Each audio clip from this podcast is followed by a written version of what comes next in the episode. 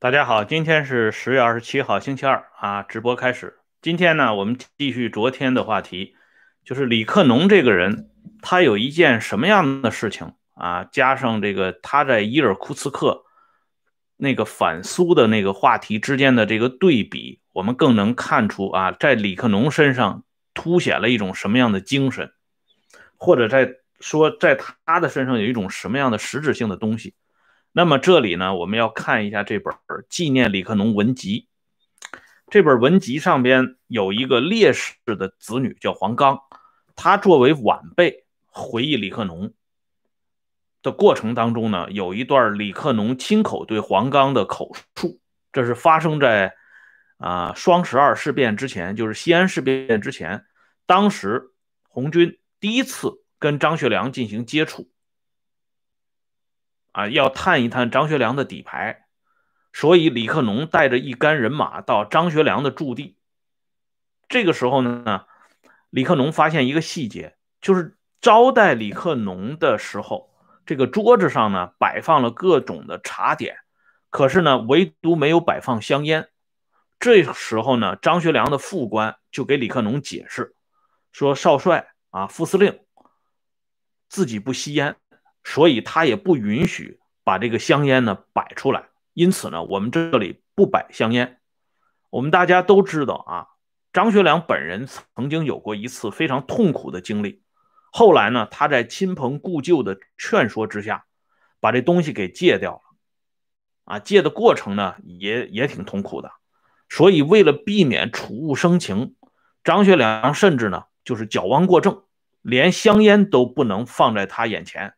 就形成这么一个规矩，而且当时是在张学良的驻地，人家是主人啊，主人有权利做出这种表示，人家不喜欢的东西嘛。可是李克农不管这一套，啊，李克农说我就不惯他这个毛病，啊，他跟我摆少帅的架子，啊，不摆香烟。李克农说，我当时我就让我的随从副官把香烟给我拿来，我就当着张学良的面抽烟。我看他有什么表现啊？这黄冈呢，作为晚辈，在听这段故事的时候很有意思啊。他就问李克农说：“那李叔叔后来发生什么了？”李克农说：“张学良什么话都没有说嘛，我就是一根接一根的在那儿抽烟嘛。”啊，有这么一段故事。那么把这么一段故事啊，和他这个在伊尔库茨克呃遭遇苏方的冷遇啊，然后呢？呃，禁止手下人对苏联的这种做法的议论，这两个例子放在一起一对比，咱不说不一看核定本嘛。那么这两个例子放在一起，大家眼前就会有一个非常鲜活的李克农的形象。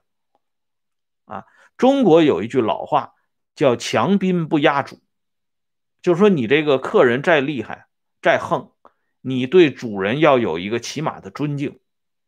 到了人家呢？还是要按照人家的生活习惯、人家的规矩来办事儿，自己不能另行一套。但是李克农不管这一套，啊，李克农愿意怎么样就怎么样。然而呢，就这么一个啊，一举打掉了张学良少帅威风的李克农，在苏联人面前很乖的，啊，苏联一个小小的旅馆的招待员不让李克农他们用电话，甚至呢不让他们往本地打电话。李克农呢？他们居然连声都不吭，哎，就是不打电话。而底下人呢，对苏联人这种啊极其粗暴的这种做法表示一点点背后的议论的时候，李克农禁止他们议论，说你们议论这些就是反苏，反苏就是反党。哎，所以呢，这两者一对比，我们就知道这李克农呢，不愧是悼词里边所形容的那样，他真的是中国人民的。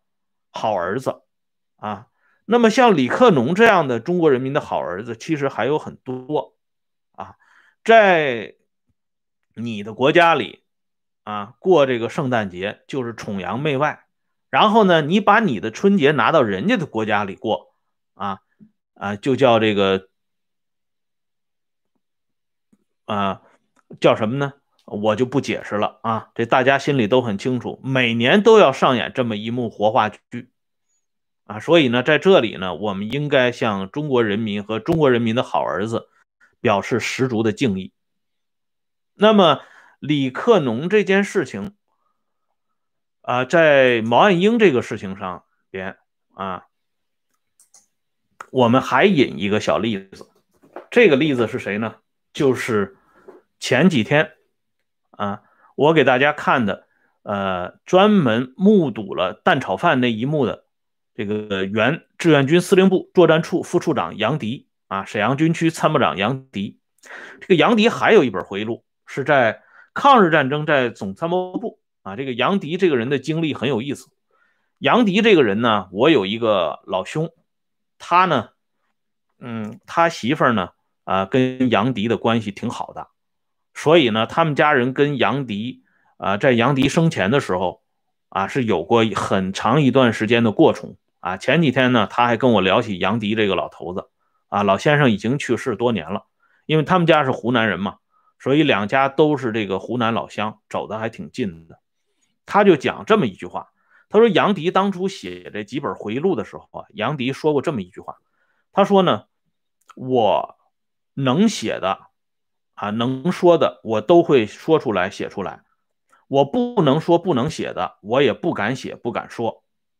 就是杨迪这个人还算是一个老实人，所以他的这个回忆呢，这两本回忆录就显得比较有意思啊，值得看一看。其中在这个抗日战争这个总参谋部里边，就有一段描写他和李克农的经历。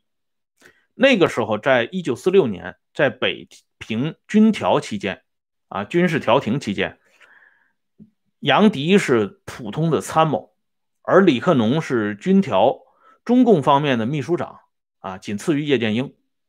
而这个时候，啊，有一位穿着这个，呃，大大方方的北平时装即旗袍的一个女士呢，向他们款款走来。李克农呢，向这些人介绍。说这是上级组织上给我们派来的一位女翻译，这个同志呢，啊，叫王光美，啊，这样呢，杨迪就认识了王光美。这王光美呢，这个人当时很年轻啊，年轻人嘛，这个再说呢，家里背景不一样，所以他挺喜欢这个，呃，搞一些这个小活动的。所以他当时让杨迪开着摩托车。啊，拉着他围着紫禁城，就是今天的北京故宫转那么几圈杨迪呢也没多想，就拉着这王光美出去兜风。可是这件事情呢，被李克农知道了。李克农把把这个杨迪叫到这个屋子里，一通好训。啊，为什么训他呢？李克农说的很简单，说这个王光美这个人，第一。他是我们党目前啊极力争取和统战的重要对象，他的家庭情况很复杂，对于党开展重要的统一战线工作极有帮助。这样一个女的，你把她拉出去，首先有一个安全性问题，再一个呢，这么招摇，啊，被人家要是在报纸上一经渲染，对于我们这个军条的整体形象。是一个什么概念？你有没有考虑到？所以杨迪呢接受了这个批评，啊，检讨自己的错误，啊，最后呢，李克农看在这个杨迪还是一个小鬼的份上，啊，就让他写一份检讨就过关了，没有进一步处分他。当然，对王光美呢是毫发未动。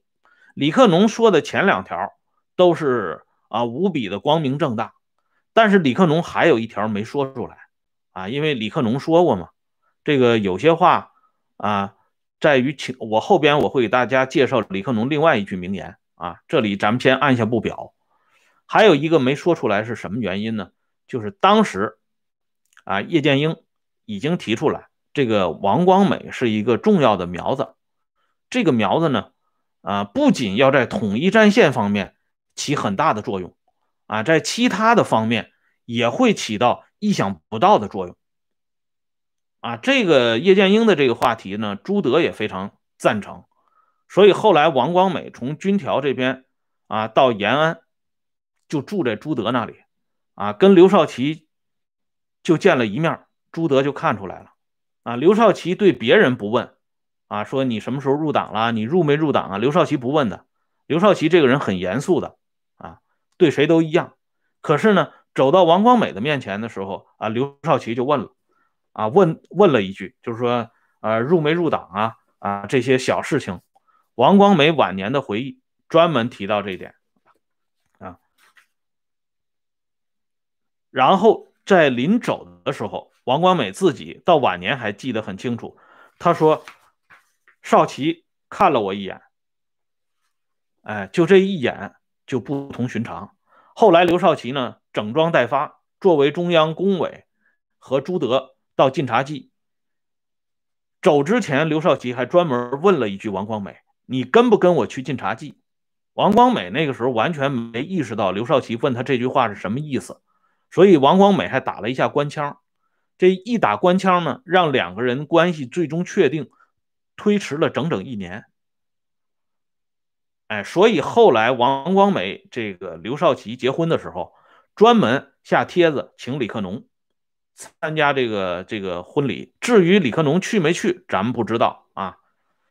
哎，从这个例子里边，我们也可以看到李克农的眼力劲儿确实不一样啊，他不是真瞎，他那是装的啊。那么在毛岸英这个事情出了以后啊，这个我们看一下这个毛岸英的传记上边。有这么一段话，写的很有意思啊。他说，当毛岸英牺牲的消息传过来以后，那些看着岸英成长起来的前辈们，特别是像帅梦琪这些老大姐、老伯伯们，都痛苦的指责、怨恨李克农。啊，有这么一段这个描述。可是，在这个问题上，李克农从来不解释。啊，其实呢。呃，有一些了解内情的人知道这不完全是李克农的错误，但是李克农就是不解释。李克农有一句名言啊，这里呢，我给大家就不妨说一下。李克农说什么呢？李克农说，情报干部就是八个字：受气不说，有苦不叫，功则归人，过则归己。啊，这是李克农教导手下的。这些搞情报工作的这些官员们的经常说的这八个字，啊，这是熊向晖回忆的。哎，甘当受气包，甘当无名英雄。你只有坐得住冷板凳，你才能搞情报工作，要不然你就别进这一行当。所以李克农的这个缄默不语，领袖心中有数。到了文化大革命的时候。呃，当时呢，中央专案组有一项重要的任务，就是调查了解毛岸英牺牲的真相。而这个时候呢，据李克农的子女回忆，康生当时呢是分管这一块。当然，康生主要是在中央专案审查委员会主要负责人领导下分管这一块，事事呢要向这位主要负责人请示工作。那么这个时候呢，康生就说过这么一句话。康生说：“李克农死了也可以炮轰啊，也要批判，打倒死人李克农。”所以当时给李克农家里呢搞得很紧张。李克农的大女儿啊李李宁在陕西省担任公安厅厅长啊，她的丈夫呢是省委书记李启明。这个李克农的子女啊还是很显赫的，所以这两个人当时就被专案机关给搞起来了啊，搞的是很厉害的。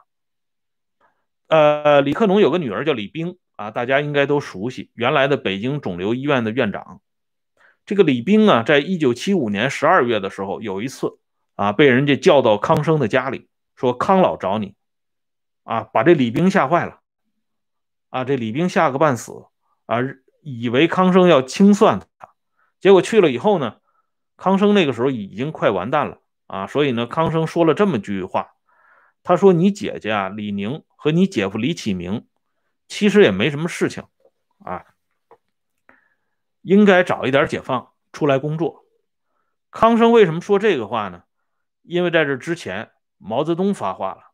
毛泽东说，从历史上看，李克农是有大功的。如果没有李克农，有很多一些同志恐怕都不在了。这个话是毛泽东对康生说的，因为康生呢。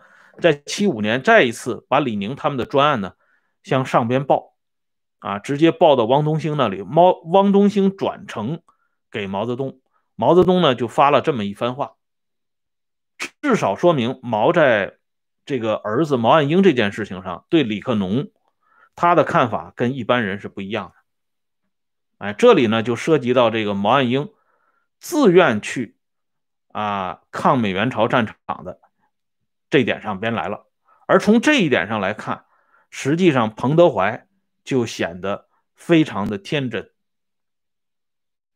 因为后来呢，有人就讲过这样一番话，他说当时应该派两个人像李克农那样，在晋绥土改的时候那样。派两个人跟着岸英，岸英就肯定不会出事儿。结果呢，啊，彭总呢就派了一个高瑞新啊跟在那里。之前我在节目里跟大家说过，这高瑞新，我要给大家好好的讲一讲。这高瑞新也是个人物。那彭德怀为什么把这高瑞新放在跟毛岸英身边，跟毛岸英形影不离呢？其实跟彭德怀自己也有直接的关系。这里呢，我们来看一下这本秘书日记里的彭老总啊，这都是这个郑文汉呢、王燕、王亚志这些彭德怀身边最亲近的几个人一起呃写的和做的注解。这高瑞新是西北野战呃野战军司令部作战科的参谋，这个小伙子很聪明。啊，就是那个时候呢，彭德怀的眼睛不是特别好，他在这个口述作战命令的时候，特别需要高瑞新的这个支持。这高瑞新这小伙子呢，脑子反应非常快，彭德怀说上句，他下句就出来了，而且业余时间呢，还能帮着彭德怀解闷儿。他是彭德怀的棋友，彭德怀这一生啊，最大的爱好就是下象棋，这个大家都知道。啊，当初这个。刘白羽曾经有过一个回忆，很形象，啊，就是朱德在跟这个呃底下人下象棋的时候，彭德怀就走过去，一直在那儿啊看下棋。别人下棋呢，彭德怀站那儿就是呃哇里哇啦的说，但是朱德下棋的时候，彭德怀不吭气儿。彭德怀呢，默默的把一个这个玉米棒子啊放到了。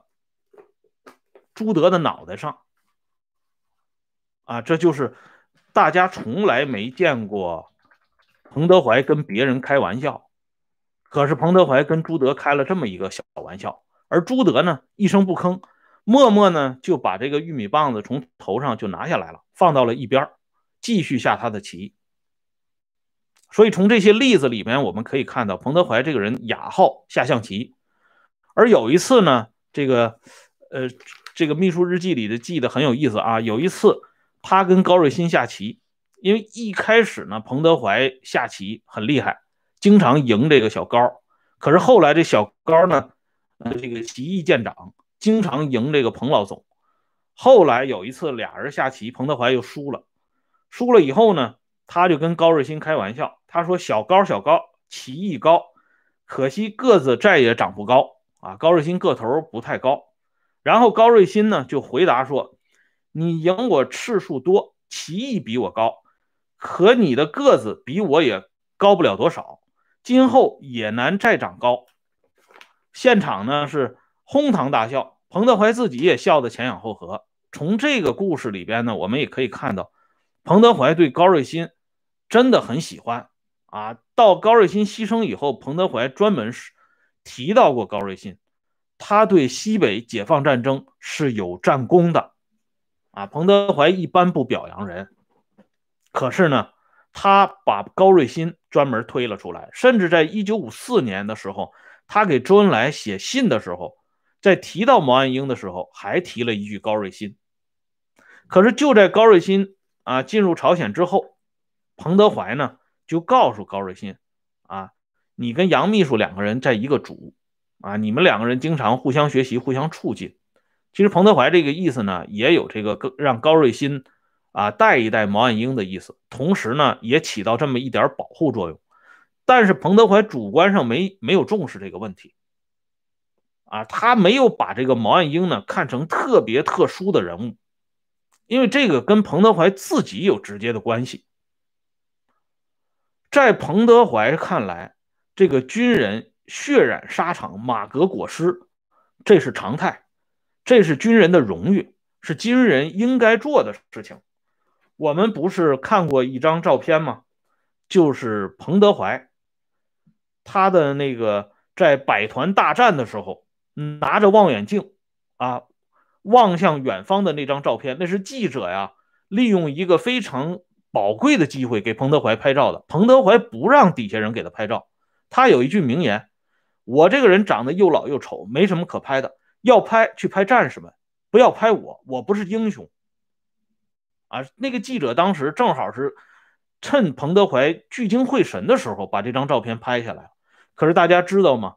当时彭德怀站的那个位置，距离日军只有五百米啊。甚至是在这个射程之内啊，就说这个人在战场上确实有一种大无畏的精神，可是呢，他认为自己有大无畏的精神，别人就也应该有，那就不对了。主要就是在高瑞新这件事情上，彭德怀犯了一个极其低级的错误，而这个低级的错误呢，让周恩来一眼就看出来了。这件事情呢，就凸显出彭德怀这个人特别的天真，而这种童真呢，我们说它是一种情怀。当然，这种情怀对彭德怀来讲却是致命的打击。那周恩来看出来之后，啊，就这么一个低级错误是什么样的错误呢？周恩来看出来之后是怎么向毛泽东汇报的呢？咱们明天接着说。感谢朋友们上来收看啊。我把这个会员链接给大家发一下，感兴趣的朋友欢迎加入温相说时政会员频道，每天都有更新。那张不是摆拍，是抓拍啊！看看彭德怀的传记就知道了。彭德怀哪有什么摆拍呀？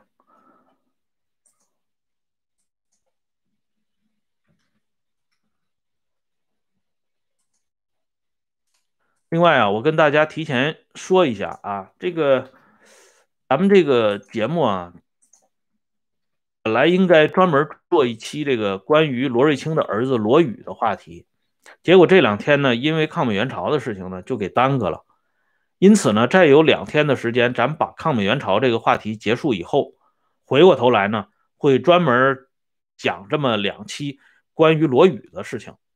啊，这罗宇老先生刚刚去世。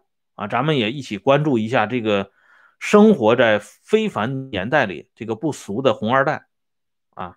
我提前做个预告。好了，今天呢，咱们就说到这里，明天接着聊，再见。